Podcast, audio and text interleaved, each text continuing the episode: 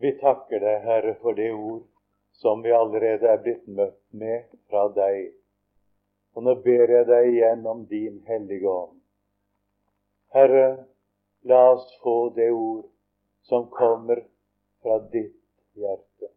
Og la det gå, Herre, til vårt hjerte. Og jeg ber om nåde til å formidle et budskap som er ditt eget og din personlige tale til hver av oss. Jeg ber om det i ditt navn. Amen. Jeg er blitt stanset for et Guds ord som jeg holdt på å si vi ikke pleier å lese på denne tiden av året. Men det er nå i sannhet et budskap som er uten tidsbegrensning i ordets fulle mening. Det står hos evangelisten Lukas i kapittel 2, vers 10-11. Forferdes ikke, for se, jeg forkynner eder en stor glede som skal vederfares alt folket. Eder er i dag en frelser født, som er Kristus, Herren i Davids stad. Hvis det kom en kunngjøring i radio, og den ble innledet med disse ord I dag skal vi kunngjøre en stor glede. Da vil det bli stilt i stuene omkring radioapparatene, og folk begynte å spise ører. Hva er det for noe? Nå får vi ikke slike meldinger i radio. Vi kunne heller sette den overskriften det forkynner store bekymringer og engstelser, det som gjør menneskene urolige og oppskaket, det som gjør livet utrygt og ikke verdt å leve, det får vi en mengde av. Vi er i den grad omgitt av slikt og preget av det at vi selv knapt kan forstå hvor omfattende det i virkeligheten er. Desto større grunn skulle det være nå for oss til å spisse ører og si en stor glede. Hvem forkynner det? Se, jeg forkynner eder en stor glede som skal vederfares alt folket. Under krigen, vet dere som husker det, det gikk ofte noen gledelige rykter om at nå var krigen snart slutt. De var dessverre ikke noe å feste liv til, disse ryktene. Men når vi hørte et slikt rykte, så var det alltid en spontan reaksjon. Hvor vet du det fra? Og Nå vil jeg be deg reagere slik her. Hvor har vi det fra? Jeg forkynner eder en stor glede. Det er Gud selv, Han som umulig kan lyve, som forkynner dette. Og nå skal du legge merke til at her er ingen unntatt. En stor glede som skal vederfares alt folket. Og da kan det være vel verdt å stanse litt for dette og begynne å spørre hva er en stor glede i Guds ords mening? Av og til sier vi som forkynner Guds ord, at menneskelivet ikke har noen gleder. Det skulle vi ikke si, for det er i virkeligheten utakknemlighet mot Gud å si noe slikt. Og det som en vel mener, er at sånt som verden har å by på, moro og fornøyelser og forlystelser og den slags ting, det er ingen gleder. Og det er sant. Det kan du se utenpå de folkene som lever i disse tingene. Jeg ser det på trikken i Oslo. Av og til når jeg kommer fra forbundssalen, har vært på møte, så kommer jeg på trikken sammen med folk som kommer fra kinematografen og teatrene, som slutter på den tid. Og du vet at når du ser på de ansiktene, det er som man sier, er, de er lange i masken. De ser ut som de har solgt smør uten å få betaling. Og de ser absolutt ikke ut til å ha hatt det morsomt. Og aller minst er de glade. Nei, verden har ikke noen gleder av den art. Det er ikke glede. Moro og forlystelser gir ikke noe menneskeglede. Allikevel har Gud gitt oss gleder i menneskelivet. F.eks. det å få være frisk. En må si at det å få være frisk, det er en stor glede. Det ja, om en skal si stor glede, ikke denne forstand av ordet, men det er iallfall meget å takke Gud for. Det å få lov å fylle en stilling, utføre en gjerning, gjøre noe nyttig, for ikke å tale om det å få leve et godt familieliv, det er gaver fra Gud.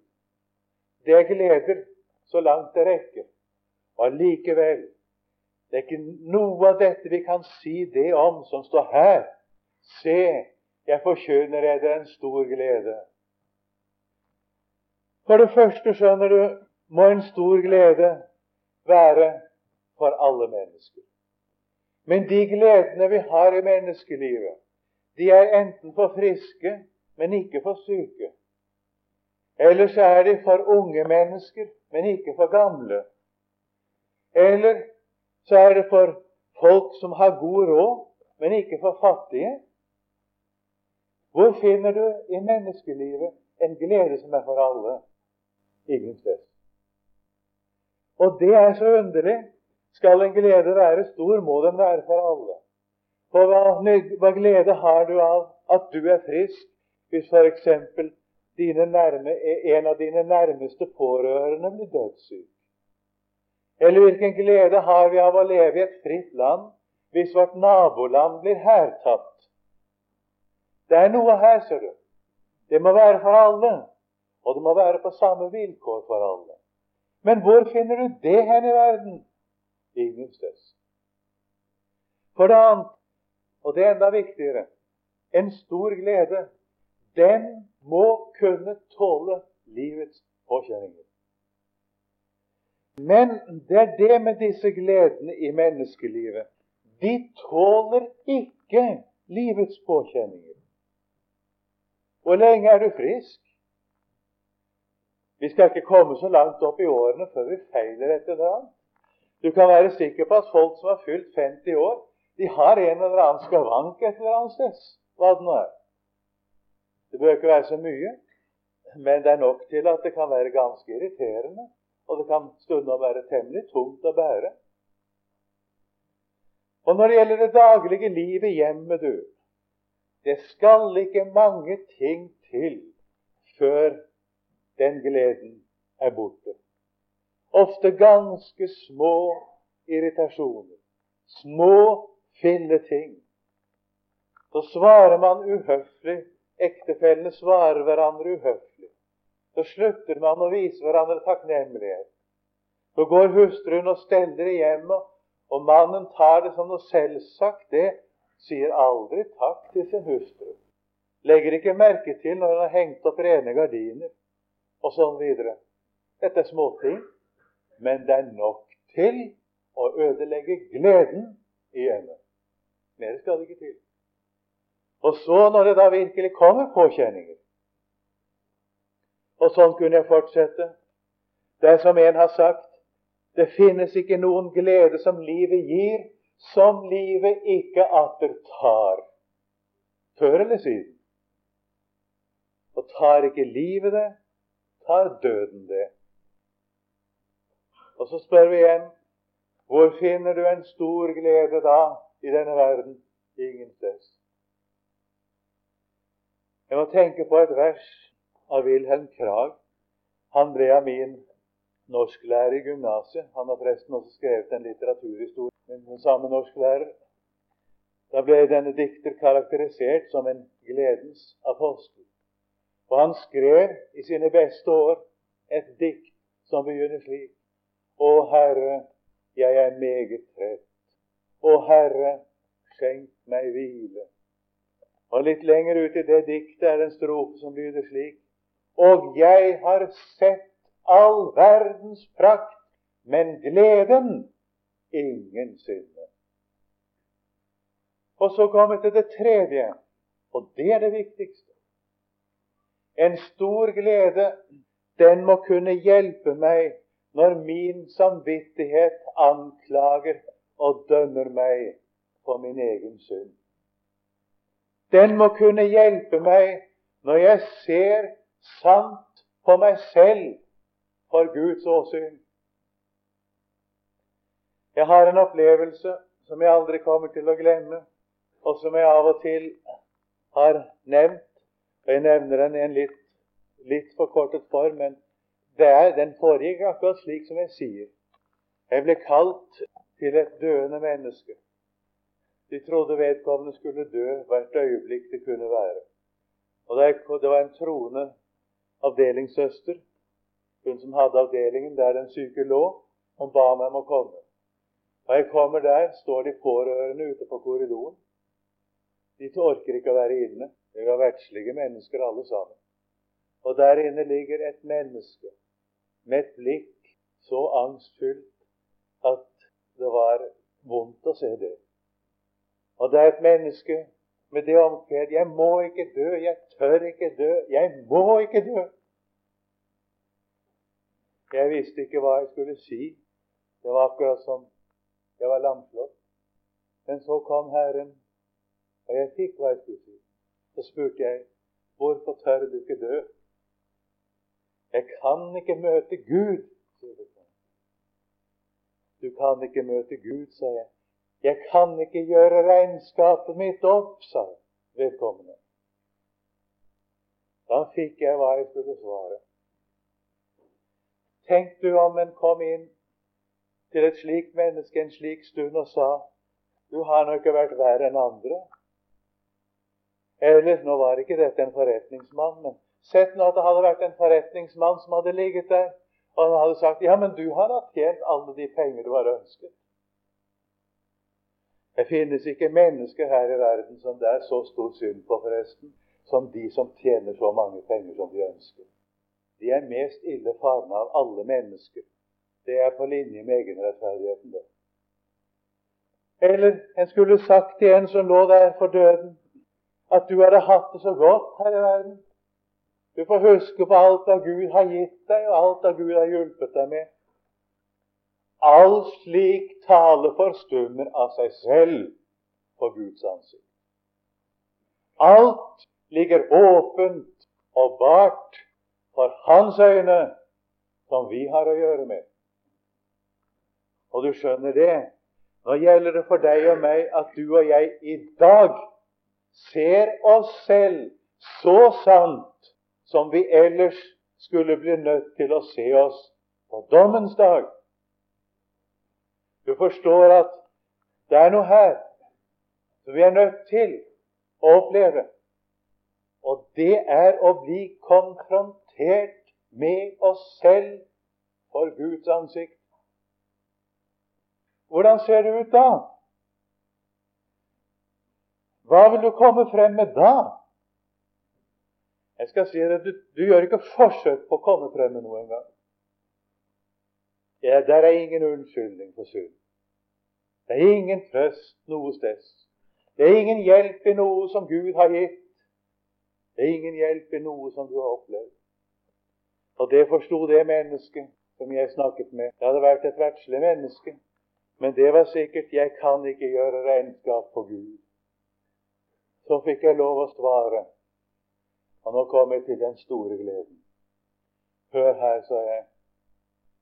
Du skal slippe det regnskapet. Da fikk jeg et merkelig blikk. Et undrende, et undrende blikk med et gryende håp i øynene. Hva er det du sier? Vedkommende sa ikke det, altså. Men det var liksom, det lå i blikket. Hva er dette for noe? Hva er det du sier for noe? Jeg sa det en gang til. Dette regnskapet, det skal du slippe. Men før jeg nå går tilbake til dette eksempelet, så skal vi gå litt videre i det ordet som jeg leste. Skal jeg komme tilbake til det igjen. Hva er den store gleden Eder er i dag en frelser født. Det er det første. Det sier altså hva han er. Og det andre, som er Kristus, Herren i Davids stad. Da sies det hvem han er. En frelser. Jeg har en gang fått det spørsmålet. Hva er en frelser? Det har jeg nevnt her på Nærbø før. Det gjør ingenting. Det var forresten ikke på en sommerskole, tror jeg. Hva er en frelser? det er en som går inn i andres nød og tar den på seg, slik at han frir ut den som er i nøden. Nå skal du høre hva det står om det i Guds ord. Jeg henviser særlig til Hebrebrevets annet kapittel. Du kan lese det selv fra vers 11 og det kapitlet ut. Og mange andre steder. Men jeg skal stanse ved det ordet nå i dag. Både den som helliger, og de som helliggjøres, er alle av én. Altså det er ordet hellige eller helliggjøre brukt på samme måten som vi i dagligtale bruker ordet frelse. Det omfatter alt fra det å bli en kristen inntil det å ha nådd målet i den fullkomne Guds rike. Den som helliger, og de som helliges, er alle av én. Derfor skammer han seg ikke ved å kalle dem brødre. Og så står det Ettersom da barna har del i blod og kjøtt, fikk også han på samme måten del deri, for at han ved døden kunne gjøre til intet den som hadde dødens velde, det er djevelen, og utfri alle dem som av frykt for døden var i trelldom hele sin levetid. For engler tar han seg jo ikke av. Nei, Jesus er ikke død for de falne engles synd eller for Satans synd. Det er han ikke. For engler tar han seg jo ikke av, men Abrahams ett tar han seg av. Derfor måtte han i alle ting bli sine brødre lik, for at han kunne bli en miskunnelig og trofast ypperste prest for Gud til å gjøre soning for folkets synder. Her er altså tale om en som er blitt menneske som du og jeg, som har fått del i kjød og blod, som du og jeg. En som er født inn under de kår som følger med å være menneske. Dine og mine kår. Og som på den måten da også er født under loven, som det står i Galaterne 4. Her står det nøyaktig slik han er født da tidens fylde kom, utsendte Gud sin sønn. Født av en kvinne. Altså et virkelig menneske som du og jeg. Født under loven, Altså født under det ansvar som hviler på deg og meg. Og dermed født inn under den dom over synden som hviler på deg og meg. Født under loven for at han kunne kjøpe dem fri som er under loven. Og det er deg og meg, det. For at vi skulle få barnekår. Altså være Guds barn. Det er en frelse. Når en mann holder på å drukne, skal han ikke en annen stå på land og si 'stakkar, det er synd på han der ute'. Han må uti til ham, dele kår med ham, så kan han redde ham. Akkurat som jeg leste om en gutt, det er mange år siden nå, på en sørlandsby, eller like utenfor en sørlandsby, det et hus som brente. Her sto folk på veien og så på. Flammen var begynt ned i første etasje og brannvesenet var varslet og var underveis, så er det noen som sier ja, men det sover to gamle mennesker i en alkove oppe i annen etasje. Hva med dem? Så er en 16 års gammel gutt som tar mot til seg og farer inn i huset. Da var det begynt å vise seg noen flammer i gangen òg. Men gutten fikk svidd litt av håret sitt og litt av klærne. Det var alt. Men han for opp i annen etasje. Fikk vekket de gamle. Fikk dem inn i rommet ved siden av, bort til vinduet der. Og Akkurat da brannvesenet kom med stigen, så reddet de alle tre ut gjennom vinduet. Han delte kår med de gamle, og så kunne han redde dem. Men du vet, det er bare noe haltende bilde, dette her, på det Jesus har gjort. For Jesus, han har helt og fullt vært meg overfor Gud.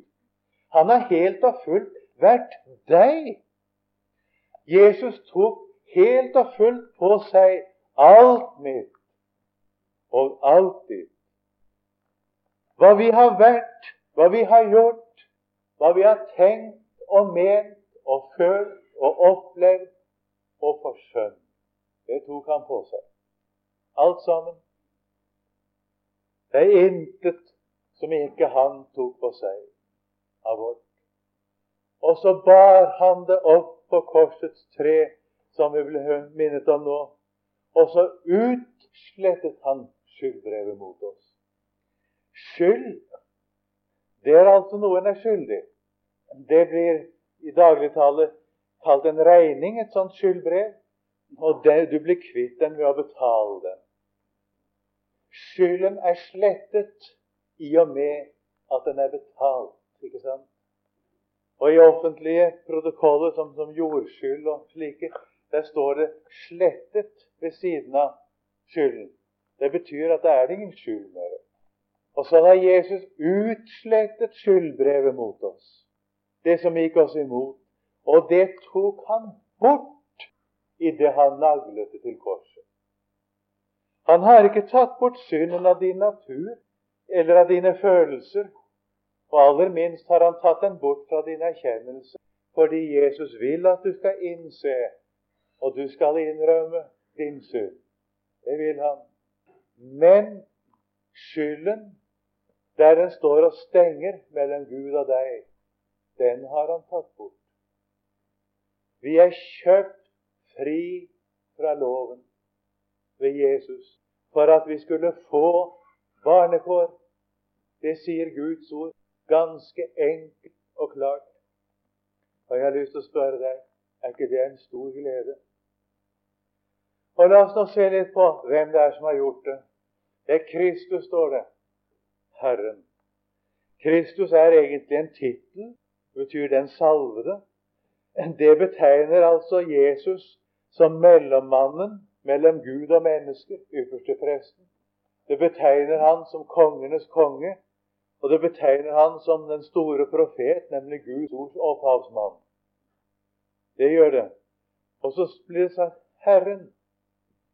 Det er, for å si det kort, den betegnelsen som vi møter i 2. Mosebok kapittel 3, 14. Herren, Kyrios. Det står i den greske oversettelse av Det gamle testamentet som betegnelse for det hebraiske ordet JHVH. Det betyr egentlig 'jeg er den jeg er', eller 'jeg er'. Da Moses spurte Herren når jeg kommer til Israels barn, og de så spør meg, og jeg så sier til dem Eders fedres Gud har sendt meg til eder, og de så spør meg hva er hans navn, hva skal jeg da svare dem? Da sa Herren til Moses, jeg er den jeg er. Så skal du si til Israels barn, jeg er har sendt meg til dere. Det er Guds navn. Det som sies her i Lukas 2,11, er at han er født i Betlehem. Som det ble lest her. I begynnelsen var Ordet. Ordet var hos Gud, og Ordet var Gud. Så står det og Ordet ble kjød og tok bolig iblant oss. Mennesket Jesus er Gud. Det er ikke riktig å si at Gud tok bolig i Jesus. Det er helt feil, det. Eller si at Gud var i Kristus. Det er helt feil å si det. Det kan du si om en kristen. Gud er i en kristen. Jesus bor ved troen i en kristens hjerte. Og Jesus har sagt at der hvor Den hellige ånd er i hjertet, der sier han at både Faderen og Han kommer og tar bolig hos dem. Det står i Johannes 14 det. Om noen elsker meg, da holder han mitt ord. Og min Fader skal elske ham. Og vi, altså Faderen og Sønnen, skal komme til ham og ta bolig hos ham. Og du kan si at Gud bor i en kristen, for det gjør han. Men det må du ikke si om Jesus. Det står ikke at ordet tok bolig i kjød, men det står ordet ble kjød. Gud ble menneske. Det er Gud selv som er menneske. Og dette mennesket, Jesus Kristus, er Gud, forstår du. Det er ikke to forskjellige. Du må ikke tenke på Jesus, den guddommelige og den menneskelige natur i Jesus, slik som du tenker på den gamle og den nye natur i en kristen. For da tenker du fullstendig borti veggene galt. Den gamle natur, den medfødte natur i en kristen, og det nye sinn i en kristen, det er to helt forskjellige. To helt stikk motsatte naturer. Men slik er det ikke med Jesus. Det er den guddommelige natur som er mennesket. Og det er dette mennesket som er guddommelig. Vi kan ikke komme det nærmere. Vi kan ikke forstå det, vi kan ikke forklare det, men den rette betegnelsen er Jesus er Gud, menneske. Men Gud-menneske gjør gudmenneskelige gjerninger. Jesu gjerninger er på en og samme tid både Guds gjerninger og dine og mine gjerninger. Alt hva Jesus har gjort, har Gud gjort. Alt hva Jesus har gjort, har også menneskeslekten gjort. For det er gjort av et menneske, på menneskeslektens vegne og i alle menneskers sted. Altså Jesu Kristi gjerninger er på en og samme tid både Guds gjerninger og dine og mine gjerninger. Slik må du se det. Det Jesus har gjort, det har du gjort. Det Jesus gjelder for, det får du gjelde for. Dette blir forkynt. Eder er i dag en frelser født, som er Kristus, Herren, i Davids dag. Vi ble minnet om at muhammedanere buddhister vi kunne nevne mange andre, de har sin religion. Og Det blir stadig påstått det at den ene religionen kan være like god som den annen. Men nå skal du høre det at kristendommen er ingen religion. Det er det. Religion, det er menneskets forsøk på å finne veien frem til Gud. Men kristendom, det er at Gud har funnet veien til oss. Og gjennom sitt ord åpenbare seg for vårt hjerte. Men det er forferdelig meget iblant oss i dag av denne som jeg vil kalle Gud Fader-religion. Hvis du ber Alle som ber, er ikke kristne. Om en ikke kan ha samme meninger, blir det sagt. Akkurat som dette jeg står og forkynner, skulle være en mening. Et budskap fra himmelen, du. At Gud er blitt menneske det er man tilbøyelig til å karakterisere som en mening, som et dogme, som en læresetning. Nei, venner, det er en kjensgjerning, og det er den eneste kjensgjerning som frelser et menneske. Med all Gud Fader-tro går et menneske fortapt. Du kan være sikker på at den som holder på denne Gud Fader-troen, han både er utenfor samfunn med Gud, og han går fortapt. Du kan bare lese Johannes første brev om det. Der står det meget klart. Den som nekter Sønnen, står det, har heller ikke Faderen. Men så står det også Vær den som bekjenner Sønnen, har og Faderen. Bekjenne det er uttrykk for sitt personlige forhold til. Den som bekjenner Sønnen, har og Faderen. Og Jesus sa til sine disipler, forferdes ikke. Tro på Gud og tro på meg, sier han. Det er hva man kaller en hebraisme, det uttrykket der. Det er skrevet på gresk i Johannes evangeliet, men det er likevel det man kaller en hebraisme. Det betyr egentlig tro på Gud ved å tro på meg.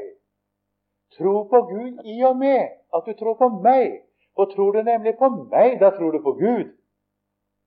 Og det er der Jesus sier litt nedenfor Jeg og Faderen, vi er ett. Den som har sett meg, har sett Faderen. Ingen kan komme til Faderen uten meg, sier han. Men nå lyder dette budskapet i dag til oss igjen. Jeg forkynner eder en stor glede. Eder er i dag en frelse. Nå kan vi gå tilbake til dette dødsleiet.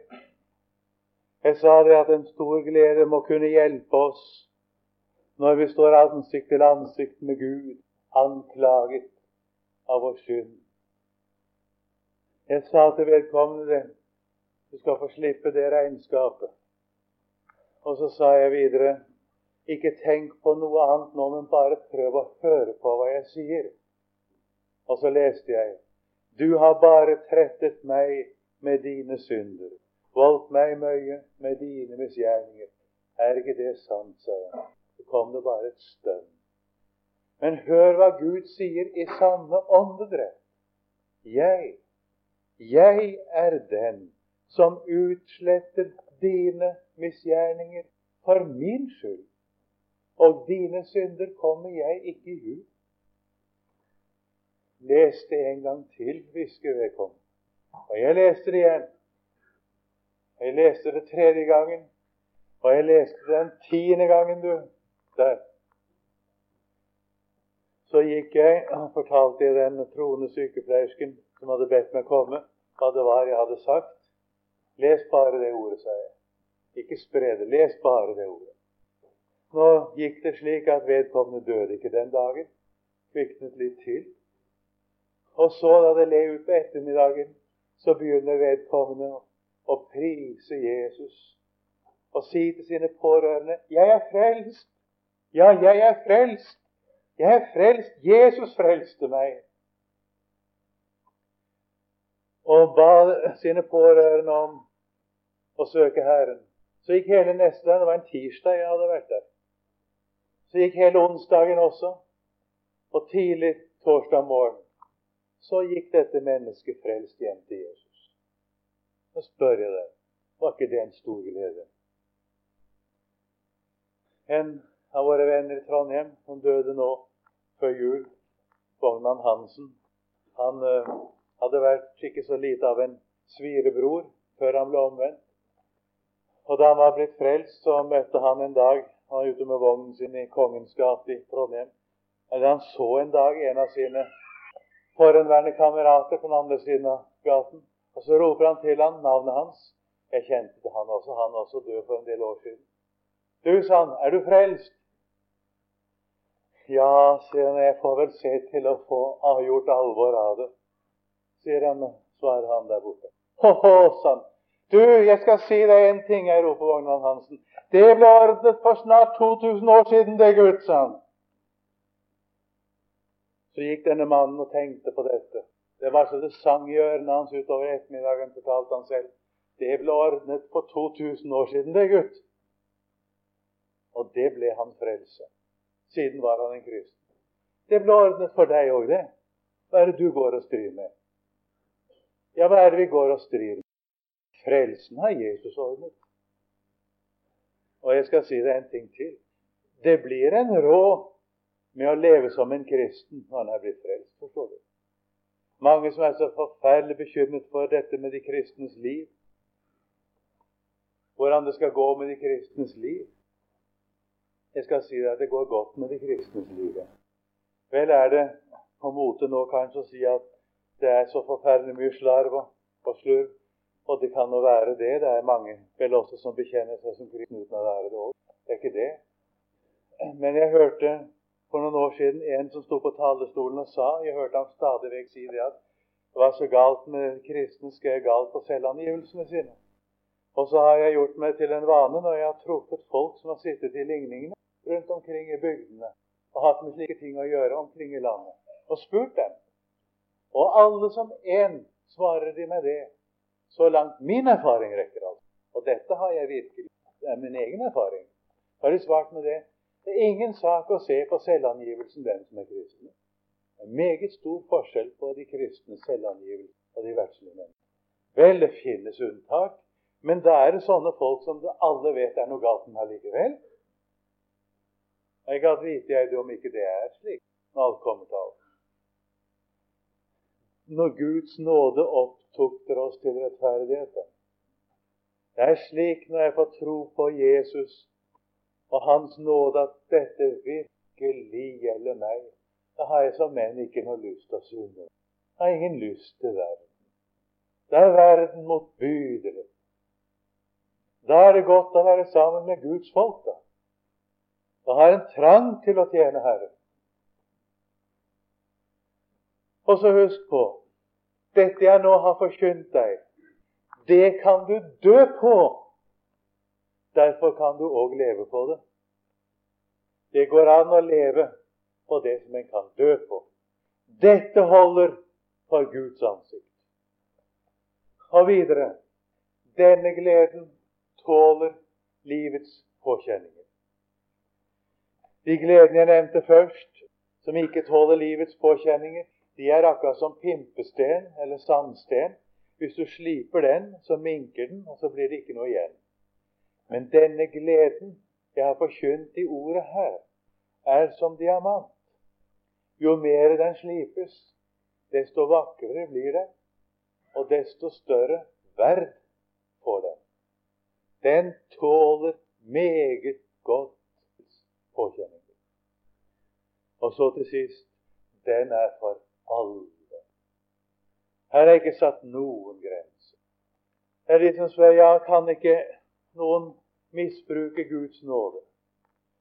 Gud har sørget for det, du, at egentlig kan ingen misbruke Guds nåde.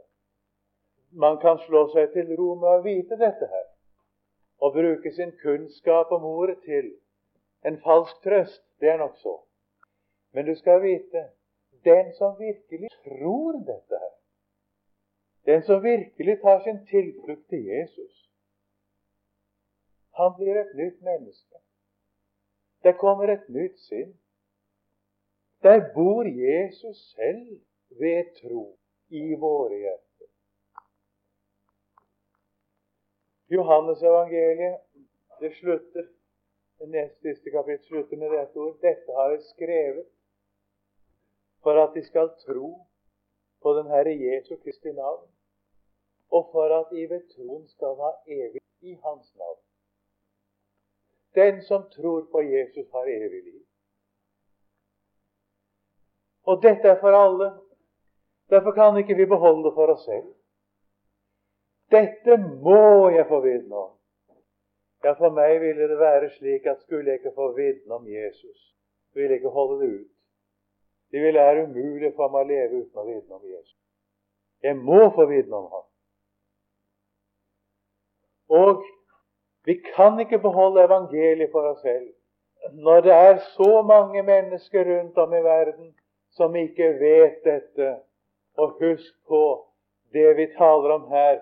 Det er også for dem som ikke vet om det.